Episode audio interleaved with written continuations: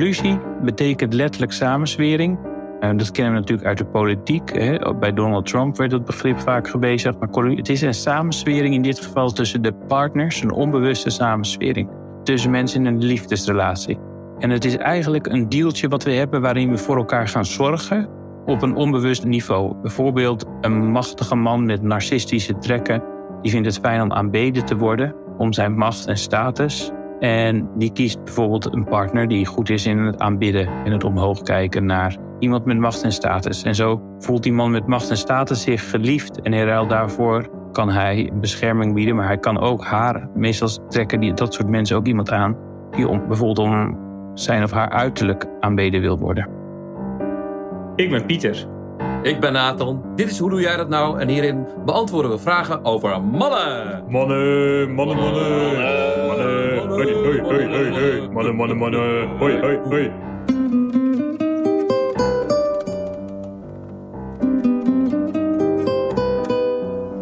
Hey Pieter. Hallo Nathan. Hoe is het? Ja, hoe is het? Vroeg je dat nou? Of zal ik het Ik weet niet of je het hoe je... Zeg het maar gewoon, of vroeg ik het niet. Oké. Zou je, zouden we vaker kunnen doen? Gewoon tegen mensen zeggen ongevraagd, weet je hoe het met me gaat? Ja. Laten we dat eens proberen. Maar goed, vertel. Ik denk dat in de meeste gevallen mensen juist niet, niet zoveel willen vertellen over hoe het gaat. Um, of of de, de dingen die wel goed gaan niet willen vertellen. Maar um, ja, nee, het gaat goed. Eigenlijk, ik voel me heel erg lekker. Vorige week drie opleidingsdagen gehad over relatiewerk. Kijk. Relatietherapie. Bij Ome Piet? Bij Ome Piet, bij Piet Wijsveld. En ik laat daar altijd heel erg op. Ik ervaar daar ook weer hoe belangrijk het leren werken met liefde is. En hoeveel vervormde ideeën we over liefde hebben. En het is zo clichématig. Nou, het belangrijkste is eigenlijk uh, hoe transactioneel ons beeld van liefde vaak is. Hè? Um, en daar kom ik straks misschien nog wel even op terug als we het onderwerp bespreken. Maar het gevoel dat liefde op brandstoen moet, dat je iets moet doen voor liefde. En dat je ook als anderen iets niet doen, dat je daardoor conclusies verbindt over hoe geliefd je bent. Dat zijn allemaal bronnen van heel veel gedoe in relaties.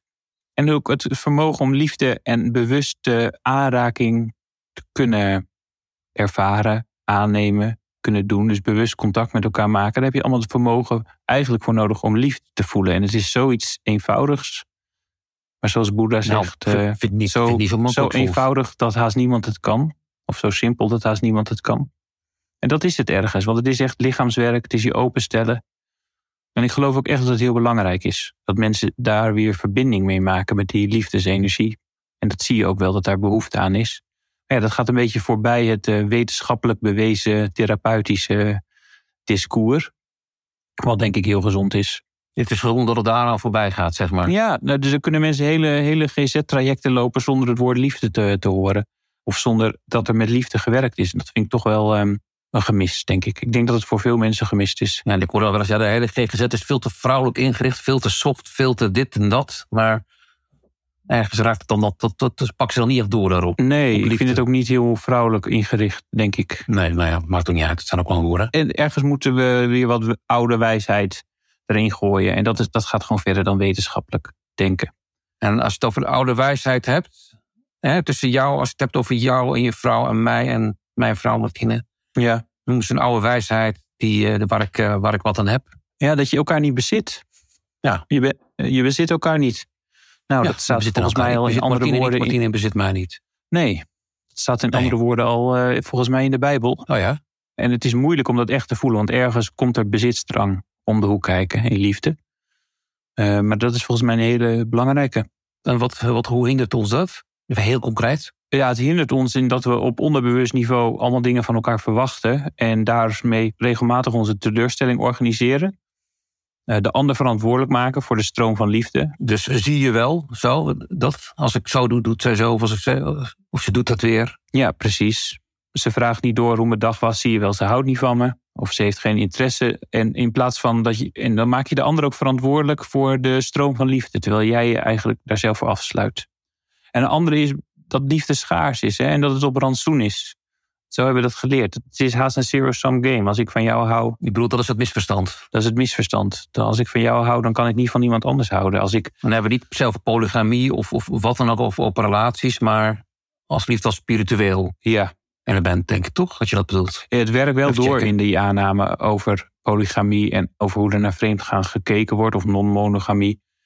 Maar het is meer dan dat. We, we ransoneren onszelf. Ja, dat heb ik dit weekend ook ervaren. Maar goed, daar komen we zo nog op. Ja, daar komen we zo op. Leuk. Maar dat, dus veel misverstanden over liefde. Ga met liefde aan de slag. Ga met aanraking aan de slag. Of kom naar mij. Mensen, hoor je dat? Pieter zegt het. Dus het is zo. Ga met liefde aan de slag. Ga met aanraking aan de slag. Liefde hoeft niet op rantsoen. En je bezit elkaar niet. Nee. Nou, goed begin. Goed begin. En jij Nathan? Ja, ik was op, eh, op krijgerswerk. En eh, een weekend met mannen. Waarbij we eh, de krijger in onszelf gingen opzoeken, onderzoeken, uiten. En eh, ik had vorige keer al aangekondigd dat ik ging doen. En ik heb heel lang aangehikt tegen iets met mannen doen. Mannengroepen, mannenweekenden, wat dan ook. Een beetje angst, maar ook niet per se behoefte. En ik volg mijn eigen paardje wel. Nou, dat is ook prima. Maar deze club beviel me wel aan, omdat zij min of meer aan de, ik zou niet zeggen aan de wieg genoeg, was wel onder het tekort, maar een beetje aan de wieg staan van het mannenwerk. in ieder geval dit soort weekenden. Mannenkracht. Nee, zit niet mannenkracht. Nou ja, in ieder geval krijgerswerk. Mannenwerk is dit, ja. Doe me een beetje denken aan eh, de US People's Front van eh, de verschillende namen. Wat zei je? US People's Front? Ja, in uh, Life of Brian, dan, dan blijken er allemaal het volksfront van Judea en het Judea's volksfront. En, en die vechten elkaar de tent uit. Sterker nog, die, die steken elkaar de hele tijd dood. En dan, dat hebben uh, krachtman, mannenkracht, krachtige mannen. Dat, nou, ik moet er soms wel een beetje op gniffelen, maar het is natuurlijk allemaal mooi werk. Maar dit is dus uh, mannenwerk. En wat mij aan hen bevalt, is een van de twee leiders staat ook in mijn boek, uh, Man om Man. Dus toen had ik, vond al dat hij een goed verhaal had. Dus dat ik, nou, en dat kwam weer, dat kwam weer zo omhoog. Zij doen in zekere zin niet aan marketing. Zij hebben een verhaal, ze hebben een, een ding wat ze doen. En zie maar of je daarin meegaat. En als je het gaat lezen, snap je het ook niet helemaal. Dus ergens in het aangaan met hun geef je ook over aan wat zij gaan doen. En dat is al uh, stap één eigenlijk, denk ik nu. -huh. En, en wat ze doen, dat, dat, gaat, dat vind natuurlijk vooral interessant, is dat zij uh, de vier hoofdarchetypes, dus hè, van Jung heeft die, die, die, die twaalf archetypes, ontdekkingsreiziger, de minnaar, de leraar, de, weet ik wat. Hebben zij de vier hoofdarchetypes, hebben ze niet zelf bedacht, maar die, daar werken ze mee. De, de, de mag, magier, de koning, de krijger en de minnaar. Vanuit het idee dat wij al die vier in ons herbergen en uh, alle vier nodig hebben, maar nou, hoe ontluik je ze nou? Nou, in dit geval ging het dus over de krijger. Dus die andere drie zijn ook workshops. En wat er heel tof van is, en ik ga echt niet te veel verklappen, want ik wil andere mannen eh, de ervaring niet ontzeggen, is dat zij werken in een verhaal. En dat is echt heel bijzonder. Tenminste, voor mij is het heel bijzonder. Dus wat je doet, je komt eraan, ergens, en ver uit de stad, en je stapt in een, in een bekend verhaal, waar zij mee werken. Wat gaat dan over het krijgerschap? Dus het, het, het zeg maar het beste krijgerverhaal wat er bestaat, of het oerkrijgerverhaal zou je kunnen zeggen. Of het ook echt over mannelijkheid, als je dat wil. Vrouwen zou het ook prima kunnen doen hoor. Maar in dit geval verbinden ze het mannelijkheid, het krijgerschap. En zij beginnen gewoon met dat verhaal. Dus dan vertellen ze gewoon, bla bla bla. En dan zitten wij als mannen, eh, luisteren, horen we dat aan. En tussendoor doen we die dingen die je zo kan doen. Dus, dus, dus samen oefeningen doen, uh, heel veel delen. Maar dan wordt ook gedanst en daarbij ook weer gevochten. Want er gaat heel veel energie vrij. En geschreeuwd. Nou, het is ook heel veel buiten. En het zit vol met rituelen. En een deel ken ik al, maar het is toch weer nieuw. En het is, ja, en omdat je erin meegaat, omdat je overgeeft, omdat je denkt, oké, ik ga dit aan, is er geen concurrentie. Er is, in ieder geval van mij uit, er is uh, acceptatie van de leiderschap. Dus dat zei zij dan, dus dat ik gewoon lid ben. En daar, daar had ik voorheen misschien wat meer moeite mee gehad, maar nu niet. Maar ook, ook heel erg acceptatie van die andere kerels. En dat, die kerels, dus het, echt vanaf bijna meteen maakt het helemaal geen lor uit wie ze zijn, wat ze meenemen, waar ze vandaan komen, hoeveel ze verdienen. Dat is echt heel natuurlijk, is dat van de kaart geveegd. Zo van, oké, nou, we zitten samen in dit verhaal en we doen mee. Of je doet niet mee, eh, maar ja, dan krijg je ook niks. En ik, ik heb er wel een dingetje mee dat ik, nou, bijvoorbeeld, ik vind dansen sowieso lastig met anderen. Ik, ik vind het die, die lichamelijke intimiteit, zo iemand op die je tegenaan staat te, te kijken of een raaien, weet ik wat, ik echt heel lastig. Nou, nu nog onbekende mannen. Dus daar, daar had ik wel een hindernisje op, om mijn eigen pad maar even te schetsen. En dat heb ik ook uitgesproken, want ja, hij komt natuurlijk ook wat halen, dus hij gaat het ook expliciet maken. Ze zien het natuurlijk, want iedereen gaat eruit zijn plaat. Moet gezegd dat de helft van de mannen al in een traject zaten hier. Dus of meer dan de helft, denk ik. Dus ik was een van de rookies. Maar ik, ik hinderde op, ik, ik trok me wel terug op de dansvloer. Ik vond het nog een beetje spannend en noem maar op. Nou, dat wordt natuurlijk gezien, maar ik heb het ook gewoon gezegd. Nou, daar moeten we dan iets mee doen. Of daar gaan we dan iets mee doen. Hebben we iets mee gedaan. Dus een soort van oefeningetje, ik ga dat maar niet verklappen. En vond ik nog ongemakkelijker. Maar dat is natuurlijk het werk. Weet je, lullen kan ik wel, schrijven kan ik, uh, kan van alles. Maar uh, dat stukje lichaam vind ik lastig. Nou, en een dag later, dus ik blijf even bij mezelf. eh, toen had ik eigenlijk zelf voelde ik heel erg, dus in plaats van denken, voelde ik van, oh ja, als ik hier wil uit aan wil gaan, als ik die krijger wil ontdekken, als ik iets wil doen met de richting in mijn leven, dan gaat het om, hè, je krijger, speerrichter, bla bla bla, dan moet ik hier en nu, als, ik, als we iedereen toch gaat dansen en ik wil meedoen, dan kan ik het beste gewoon al die kerels recht in het gezicht aankijken en hun energie, hun vrolijkheid, of woede, wat het ook is. En dat is weer ook allemaal energie. Gewoon proberen te spiegelen en over te nemen. In plaats van, omdat ik er geen zin in heb, omdat ik denk het wordt toch niks, een beetje naar mijn licht bewegende tenen te staren. Nou, zo simpel kan het zijn. Nou, dat was een klein stapje en daardoor kon ik altijd beter meedoen. Ging het bij mij ook weer meer open. Dus kon ik meer, eh, nog meer accepteren wat er is en voelen wat die andere mannen voelen, et cetera, et cetera. Meegaan in het verhaal. En eh, zo was het voor mij. Dus dat was echt wel, eh tenminste, dat was een stukje. En zo ben ik eh, gaandeweg eh, in die, in die paar dagen, terwijl ik daar toch ook een beetje zat als de professor die al over mannen heeft geschreven en het allemaal zo goed weet. Ik heb een heel mijn eigen reisje gemaakt. En, en kom ik zondagavond, ook weer fijn, eh, bijna 72 uur zonder telefoon en wat dan ook, kom ik er weer eh, stromend uit. Ja, wat cool. Ik kreeg het idee dat je jezelf ook echt op een andere manier kon openstellen tijdens die dagen. Ja, dus ik kan heel makkelijk eh, in, de, in die woorden gaan zitten, zoals we nu ook weer doen. Hè? En dan, eh, nou, dat is ook ergens. Maar ik, heb ik ben daar, vooral heb ik eh, ontvangen en ben ik gewoon lid geweest. En heb ik gewoon laten binnenkomen wat bij al die andere mannen gebeurde. Die allemaal, nou zitten er niet voor niks, allemaal iets te doen hadden, hebben. Allemaal iets gemist hebben. Heel veel leiderschapsissues, wat dan toch weer vaak gaat over niet kunnen buigen voor je vader. Dat, nou, dat weet je ook wel. Wat dus ook wel moest gebeuren soms in- zo'n ritueel. Wat weer heel pittig was. Nou, ik heb het allemaal laten binnenkomen. En wat ik wel heel goed kan, dat zag ook iemand gelukkig. Gelukkig, dat zag iemand. Is, ik kan, ik dat wil of niet, ontzettend goed voelen. Ik ben een ontzettende voeler. Maar als er bij een andere man emotie is, dus verdriet, dan, dan is dat meteen bij mij ook. Meteen, als ik het zie. Ja, dat, dat eh, nou, heb ik ook weer toegestaan en dat reinigt ook zo lekker. En dan kom ik ook weer bij mezelf. Van, nou ja, wat heb ik nou te doen? Want wat doe je daar normaal mee? Met die gevoeligheid? Nou, voor mij moeilijk weg te stoppen. Dus het, het, is al vrij snel te zien. Eh, maar ik heb er altijd wel een, toch ergens in dat soort natuurlijke schaap ook het wel probeert weg te slikken. Maar dat lukt niet altijd. Of weg, eh, weet je, wel, om daar een beetje klaar in te maken. Maar ja, dat is eenmaal wat bij mij hoort. En wat ik ook, denk ik, veel sterker heb dan heel veel, de meeste mensen die ik ken. Oké. Zelfs in mijn eh, zweverige workshopjes en dergelijke. Ja, ik weet niet wat het is. Ik, ik weet niet waarom ik zo gevoelig ben voor, voor tranen van een ander. Nee. En het paradoxale is dat als je dat weg probeert te stoppen, dat je juist meer afstand kan gaan voelen. Ja, dus ik kanaliseer het op de een of andere manier. Of ik kanaliseer het. Ik, ik, ik aanvaard het. En ik adem er lekker doorheen. En ik probeer het gewoon te goede te gebruiken. Tenminste op zo'n weekend van... Ja. Oh ja, nou ja, wat stroomt er nou bij mij? En zit er nog iets? En dan kan ik zo... Zit er nog iets met David? Weet je, mijn broertje? Zit er nog iets met mijn pa? Is er nog iets dit? Nou... En dan merk ik van... Oh ja, nou hier stokt het, daar stokt het niet. En eh, ik kwam er nu wel uit met een soort van een idee voor de toekomst weer. Een nieuw idee.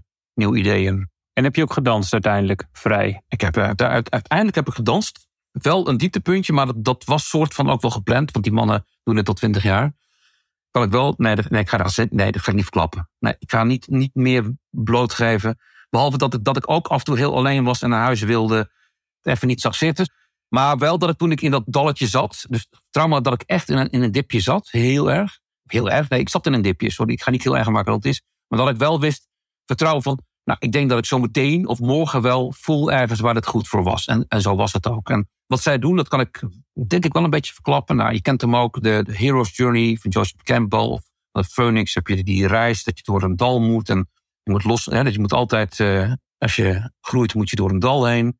Om, om weer opnieuw geboren te kunnen worden. En, en, en, en je, je, hedende taak te vinden. Nou, klinkt dan heel vaag, maar geloof me dan maar. Je kan niet leren zonder eh, bewust incompetent en, eh, te zijn. En het niet te kunnen en daar boos over te worden of verdrietig.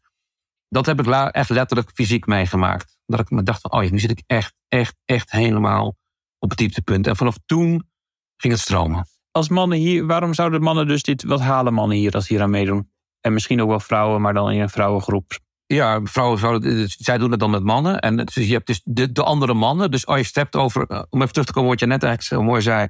Dus er was voor mij uiteindelijk, of ah, vrij snel trouwens ook wel, heel veel liefde voor iedereen. Dus voor de leiders, voor wie de rol duidelijk was. En voor de mannen. En weet je, al had ik met de ene in eerste instantie minder. Maar juist daar zat dan wel weer wat groei. En bij de andere had ik meteen iets. Nou, dat ging dan ook lekker. Er was heel veel liefde tussen die mannen. En dat uitte zich ook, ja, eh, niet seksueel, maar dat uitte zich ook fysiek. Dus er is echt allemaal fysieke aanraking geweest. Maar ik denk, nou, dat zou ik normaal niet zo heel snel doen. Of laten doen. Moet ik ook eerlijk zeggen dat ik daar, dat daar soms wel wat rem op had. Maar prima, maar de rest niet. Maar heel mooi om te zien, heel mooi om te ervaren. Dus om, om mannenliefde te ervaren zonder dat het bedreigend is, dat is al heel erg. Nou, daar heb je al wat aan. Maar wat vooral gebeurt, is door dus in hun ding te stappen. Hun, hè, dus werken met dat verhaal waar je instapt. Geef je jezelf toestemming om te stromen. Geef je toestemming jezelf toestemming om over te geven. Om het even zo te laten. En het proces te vertrouwen. Zonder dat het meteen bedreigend of te bedreigend. En er wordt ook heel veel grappen gemaakt. Je kan tussendoor ook best of achteraf s'avonds een biertje drinken. Het is allemaal helemaal niet zo streng of strak. Daar gaat het helemaal niet om, omdat je al in dat verhaal zit. En dat is helemaal. En, en, en in dat proces door, nou, ze hebben natuurlijk bedacht een volgorde van het verhaal, volgorde van dingen die ze met je doen, oefeningen, rituelen, et cetera. En natuurlijk vooral het doen met die andere kerels. En je komt aan de beurt ook. Dus als je op een gegeven moment iets deelt, en dat wil iedereen natuurlijk wel, je komt ook halen, dan ga je een keer voor de bijl. Uh, dan kan het heel emotioneel worden, heel heftig. Nou ja, uh, dan dat zet gewoon iets open. Weet je? En als, het, en als, je, als je iets openzet bij jezelf, dan gaat het stromen. kan het gaan stromen. Uh, integratie, hoofd, hart, lijf, congruentie. Dat soort woorden gebruik ik maar even. Ja, en dan, dan kom je een soort van born again uit. Dat is fijn. Wat cool. Dus als mannen vastzitten, of als ze zich een beetje geïsoleerd voelen van het leven, dan is het goed om zoiets te doen. Dat was dit goed. En uh, ze bieden ook trajecten aan. Dat kan je ook doen. Maar dit was voor mij heel fijn. Ik vind het fijn om af en toe daar in zoiets te duiken wat helemaal vreemd is. Of niet zo nodig in een traject, denk ik. Dus als je denkt het stokt. En je, hoeft geen grote trauma's te hebben. Het was helemaal niet aan de hand. Je hoeft niet miserabel te zijn. Maar dan, dan kan het zeker helpen. Als je echt denkt, nou, hoe kan het weer stromen in mijn, nou, in dit geval mijn krijgerschap. Hè? Uh, dus bijvoorbeeld die, die, die, die, die koningswerk gaat dan meer over de verbinding met je vader.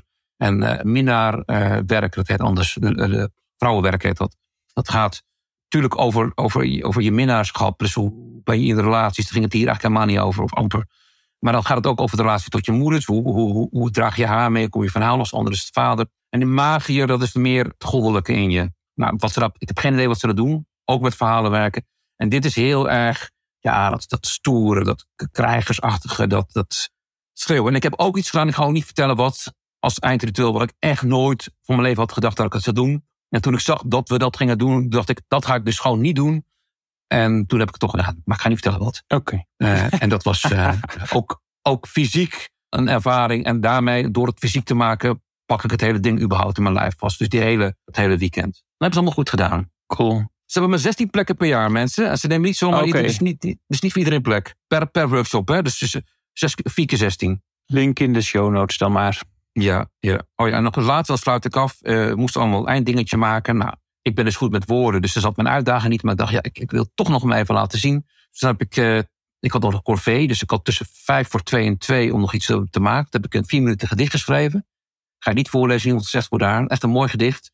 En toen dacht ik van, uh, daar was ik heel trots op. Ja, ik wou nog zeggen tegen vier minuten, mensen, ik heb vier minuten geschreven. Dit. Nou, dan kijken die man allemaal van, ja, dat interesseert ons helemaal niks.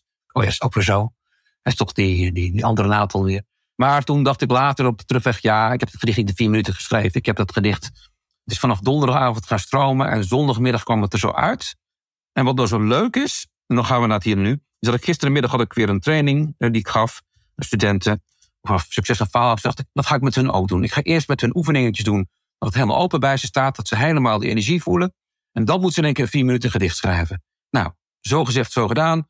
En die, die studenten die tot hun eigen verbijstering schreven ze in vier minuten allemaal een prachtig gedicht. En zeiden ze, dat ging eigenlijk heel makkelijk. Dat ik, ja, zo kan het gaan. Oh, wat leuk. Als ik weer eens vastzit, dan, bellen, dan uh, moet jij me maar weer even begeleiden om mezelf open te stellen. Met, als ik vastzit met schrijven. Als, als gaan we een keer gaan we dit in een podcast gaan we zeggen, of een live ding gaan we zeggen, jongens, kom eens even hier bij Anne Pieter en Anne Natel. Ja. Ga het even los. Ja, want het kan gewoon met geluid, kan je mensen daarin begeleiden. Dus ja, leuk. Alright. Hey, we gaan uh, naar de actualiteit en alles wat alweer twee weken geleden. Yes. Zullen we even luisteren? Ja, je slaapt slecht. Niet, eigenlijk. Uh, je, je bent verteerd door verdriet over wat er nu gebeurt. Maar dat ben ik dus. Ik bedoel, zo ervaar ik het. Uh, en er zijn op de redactie bij Studio Sport een heleboel mensen die ook zo verdrietig zijn. Ik was vorige week donderdag voorlopig voor het laatst op de redactie. Voorlopig. En daar zag ik de, de woede En die voelde ik bij mensen de frustratie en de, de mate waarin ze zich niet eh, gehoord en ge- gewaardeerd hebben gezien in de afgelopen tijden. Wat, wat voor woorden bedoel je? Nou ja, woede over, eh, woede over hoe kan het dat, dat er niets met onze klachten is gedaan. Eh, waarom hebben jullie ons genegeerd? Waarom krijg ik de kans niet om door te groeien? Al dat, dat balde zich samen en dat, dat was eigenlijk iets apocalyptisch. Ja, dat was even kort Tom Egbers, zoals je hem eh, niet kent. Eh, normaal gesproken, de opgewekte type van eh Studiosport en, en Telstar. Maar in een andere rol. En eh, ja, Pieter, wat eh, de hele kwestie met de sportredactie van NOS en Tom Egbers. wat- Waar brengt dat jou? Ik wil het eigenlijk even hebben over ehm, het vreemd gaan en het overspel. En nou, wel een beetje uitzoomen van Tom Egbert zelf, omdat niet alleen over hem gaat. Wou net zeggen, dat gaat ons eigenlijk niet zoveel aan. Nou, het ga- gaat ons niet zoveel aan. We weten niet zoveel wat, precies wat er gebeurd is. Eh, maar het is wel een, we zien wel een mechanisme, denk ik, te zien wat, wat goed is om te bespreken. En ik vind dat als het over overspel gaat, wordt er vaak in een moralistische term over gepraat. Dus het oordeel van hij, eh, hij meestal had het niet moeten doen. Of ehm, nou ja, het gaat heel erg over schuld en schaamte. Misschien zijn er eh, inderdaad fouten gemaakt. Ik vind het altijd een beetje zielig eh, hoe mensen er dan nou, zeg maar bij zitten en zich zo verexcuseren en door zo haast gaan kruipen.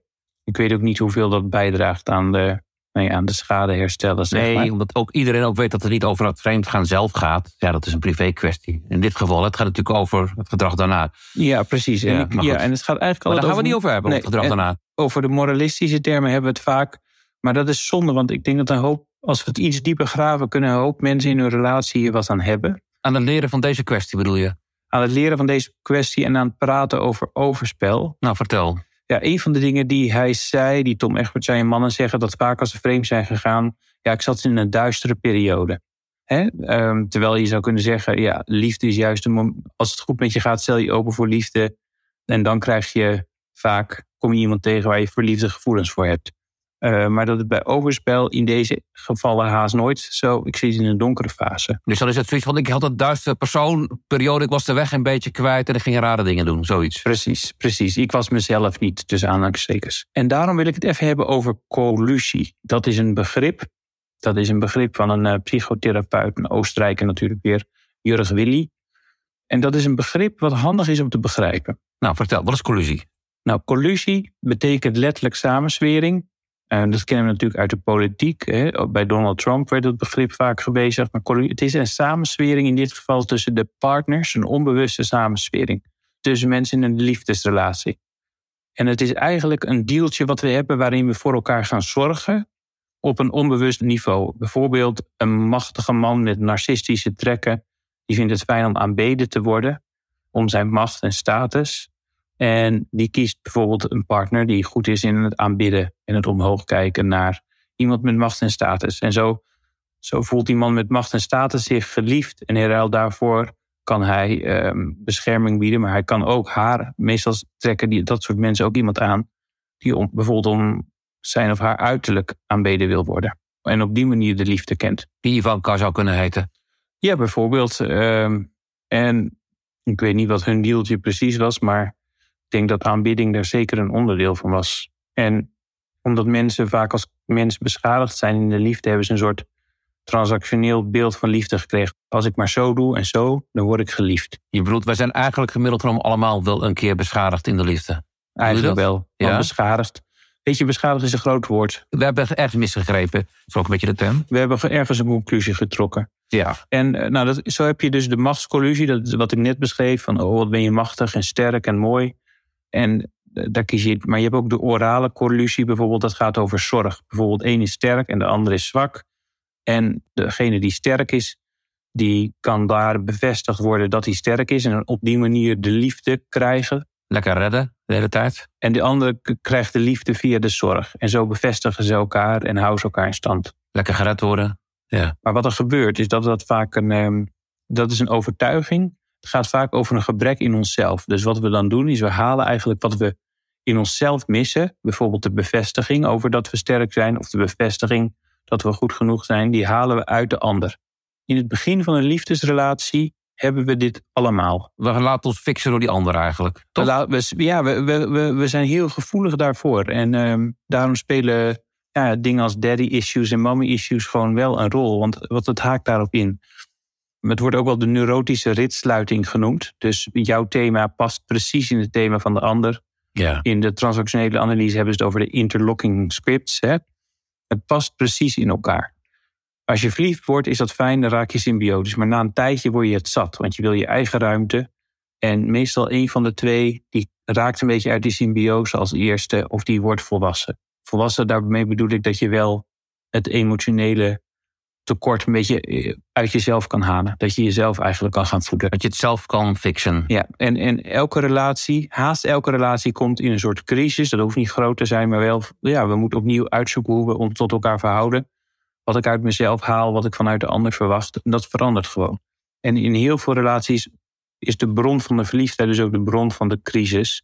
Namelijk, hoe haal ik, los ik die collusie op? En dat is niet expliciet, want mensen zijn zich vaak niet bewust van die collusie. Dus die collusie gaat over, die, die samenzwering gaat over, want een van de twee bereikt een volwassenheid. Bijvoorbeeld, of ze worden er allebei moe van en, en er raakt een escalatie, maar ze kunnen de vinger er niet op. Er is een escalatie, maar ze kunnen de vinger er niet op leggen. Ja, want je weet natuurlijk niet dat je die afspraak hebt. En bijvoorbeeld bij een man die een macht, machtige man met een, met, met een vrouw van, die vrouw van wil ook de eigen leven. En dan wordt de collusie verdwijnt. Nou, dat zijn vaak de momenten. Dus- bijvoorbeeld, je zou bijvoorbeeld een te bekende tv-persoonlijk kunnen zijn. En eh, je hebt een relatie met een vrouw en een huwelijk. En die vrouw gaat ook goed en dan gaat haar eigen weg. Dan kan zo'n man, kan het bij haar niet meer halen. En die zou dan, hij noemt het zelf een duisternis, een donkere periode. Maar die gaat het dan ergens, het, wat het ook is, ergens anders halen. Ja. En eigenlijk heeft hij dus in zichzelf die bevestiging ook te halen. Dat wil niet zeggen dat we geen mensen zijn die geen bevestiging van elkaar mogen krijgen. Ik bedoel, we zijn sociale wezens. Maar je hebt ook een deel van je emotionele huiswerk zelf te doen. En als je dat niet gaat doen, dan ga je het op dat moment buiten de deur zoeken. Sommige mensen doen het in hun werk, beroemd worden, rijk worden, wat dan ook. Eh, je kan natuurlijk ook een affaire beginnen. Ja, en kan ook. mensen doen dat vaak met een. Mannen doen dat vaak, hetero mannen met een jongere vrouw. Ik denk niet alleen maar vanwege hun jonge lijven. Als, eh, als, je, als elixir, denk ik altijd maar. Als elixir. Maar dat is maar- een beetje plat als de buitenkant, ja? Ja, maar ik denk ook omdat ze dat deel van die collusie nog minder hebben ontwikkeld. Of het het deel van de gevoeligheid voor, voor dat beroep wat zo'n man doet op een vrouw. Dus aanbid mij. Ja. Ik denk dat jongere mensen daar gevoeliger voor zijn dan als je wat meer levenservaring hebt. Dan doorzie je het spel, denk ik, wat sneller. ja. Ehm, en ik denk Dus dat die jonge, daarom jongere ook- mensen bij wijze van spreken hebben in hun identiteitsvorming was nog, nog bijvoorbeeld aanbidding nodig om bevestigd te worden. En gaat het hoe dan ook ergens halen. Ja, en die hebben, dat, of die hebben dat thema nog niet opgelost. En ik denk dat dat ook een van de redenen is waarom ze vaak dan een, eh, een jongere minnares, of hoe noem je het, waar- maar wilden kiezen. Dus dat, dat gebeurt er dan. En wat mensen dus gaan doen is, het overspel wordt het onderwerp van de crisis, of wordt gezien als de aanleiding van de crisis. Maar wat heel gezond is, is om dat als een symptoom te zien. En dus het overspel niet echt te gaan bespreken, maar de dynamiek die daaronder ligt. Dat is wel pittig. Als je je want relatie zit wil eh, redden. vol in de emotie en in het verraad. En eh, doe het maar eens. Eh, ja, dat vraagt grootmoedigheid. Dat vraagt grootmoedigheid en ook heel veel reflectievermogen van beide partners. Ja, en als jij de overspelige bent, dan ben je ook niet aan de beurt om te zeggen: laten we eens grootmoedig zijn. Eh, nee, dat, dat vraagt dus wel wat navigatiewerken. Dat vraagt ook verantwoordelijkheid nemen, schuld nemen. En dat is niet jankerig zeggen, oh, maar het was een zware periode. Mensen hebben dan wat meer nodig. Dus ja, je hebt wel schade te herstellen, zeker. Ja. Eh, je hebt het te hebben over vertrouwen. Maar het kan wel. Er zijn echt heel veel relaties die weer beter worden na een overspelsituatie. Juist omdat, de, omdat ze de dynamiek zichtbaar krijgen. Ja, heel praktisch even. Hè? Jij, en jij maakt het natuurlijk ook mee. Oké, persoon. Ik, ik ben vreemd gegaan. Ik heb overspel gepleegd. Want, nou, collusie eh, doorbroken. Ik wilde iets halen bij iemand anders. Ik kon het thuis niet meer krijgen. Hij gaat het ergens anders halen. Maar het komt uit, of, of wat over, ik vertel het. En ik wil verder met, in dit geval Martine, aan andere mensen. Wat is dan mijn eerste stap naar haar? Of wat is mijn, wat is mijn grote stap naar haar? Mijn grote eerste stap? Goh, wat een goede vraag. Ja, het verschilt heel erg. Maar ik denk dat de, de eerste stap is dat je met de billen bloot gaat. Ja. En dat je eerlijkheid betracht binnen de grenzen van nou, wat past. En wat niet kwetsend. eh, Ja, ik bedoel, je hebt daar natuurlijk wat navigatiewerk te doen. Maar dat je de vragen beantwoordt van je partner. Dat je uitspreekt dat je eruit wil komen en daarin eh, je werk wil doen. Ja, ik wil eruit komen. Ik wil daarvoor werken. Ik wil daarvoor werken. Ik, eh, ik snap dat je boos bent. Wat heb jij op dit moment nodig? Dus eh, even in de, in de energie checken. Wat heb jij op dit moment nodig? dat ik even de benen neem, maar goed. Dat Dat je ook benen bij. neemt, dat je de tijd neemt, wat dan ook. Het verschilt echt van partner tot partner hoor, hoe dit gaat. Je kan zeggen, joh, zullen we een maandje uit elkaar gaan en volgende maand checken we even bij elkaar in en dan gaan we, Ja. gaan we in gesprek. Of dan gaan we in relatietherapie. Het kan ook zijn dat je zelf nog wat persoonlijk werk te doen hebt.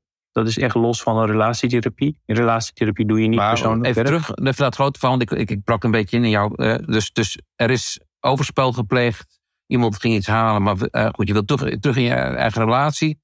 Dan heb je niet heel erg. Dat vind jij niet heel verstandig om te blijven focussen op het overspel zelf. Nee, en dat wil niet zeggen dat je er overheen moet stappen. Nee, dat lijkt me niet. Maar het niet behandelen als, als de oorzaak van de crisis.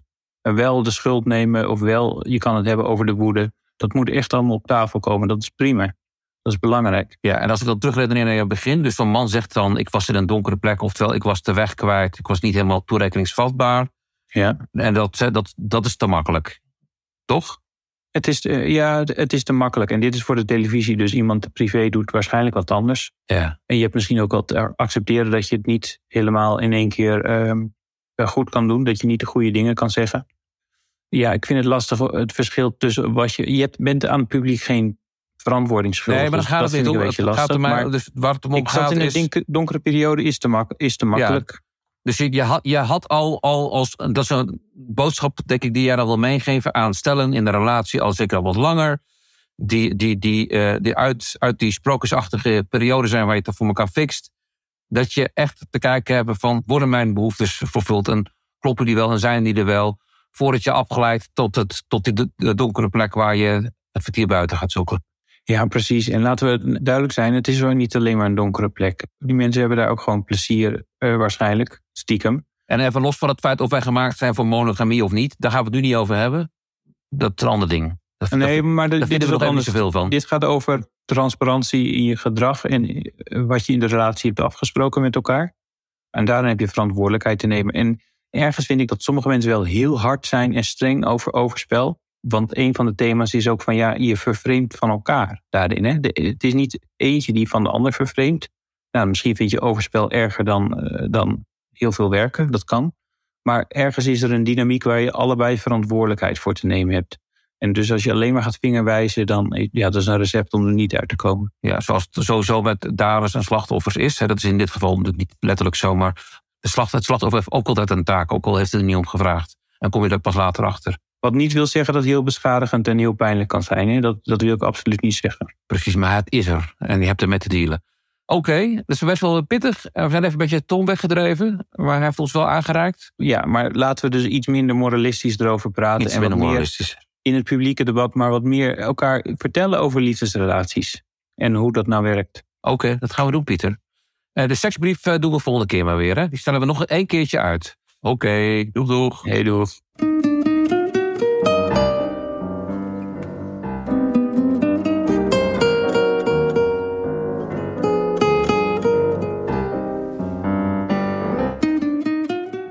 Heb je een vraag over een man of mannen, over hun gedrag en wat het met jou deed?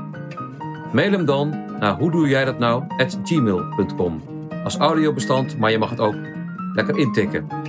Of, en dat is het makkelijkste, spreek hem in op het nummer 06 82 34 80 74. 06 82 34 80 74. En je vindt deze informatie ook in onze show notes. Ik was Pieter. Ik was Nathan en dit was de podcast Hoe doe jij dat nou? Waarin wij vragen beantwoorden over mannen. Mannen, mannen, mannen, mannen, mannen, mannen, mannen, mannen. Hey, hey, hey.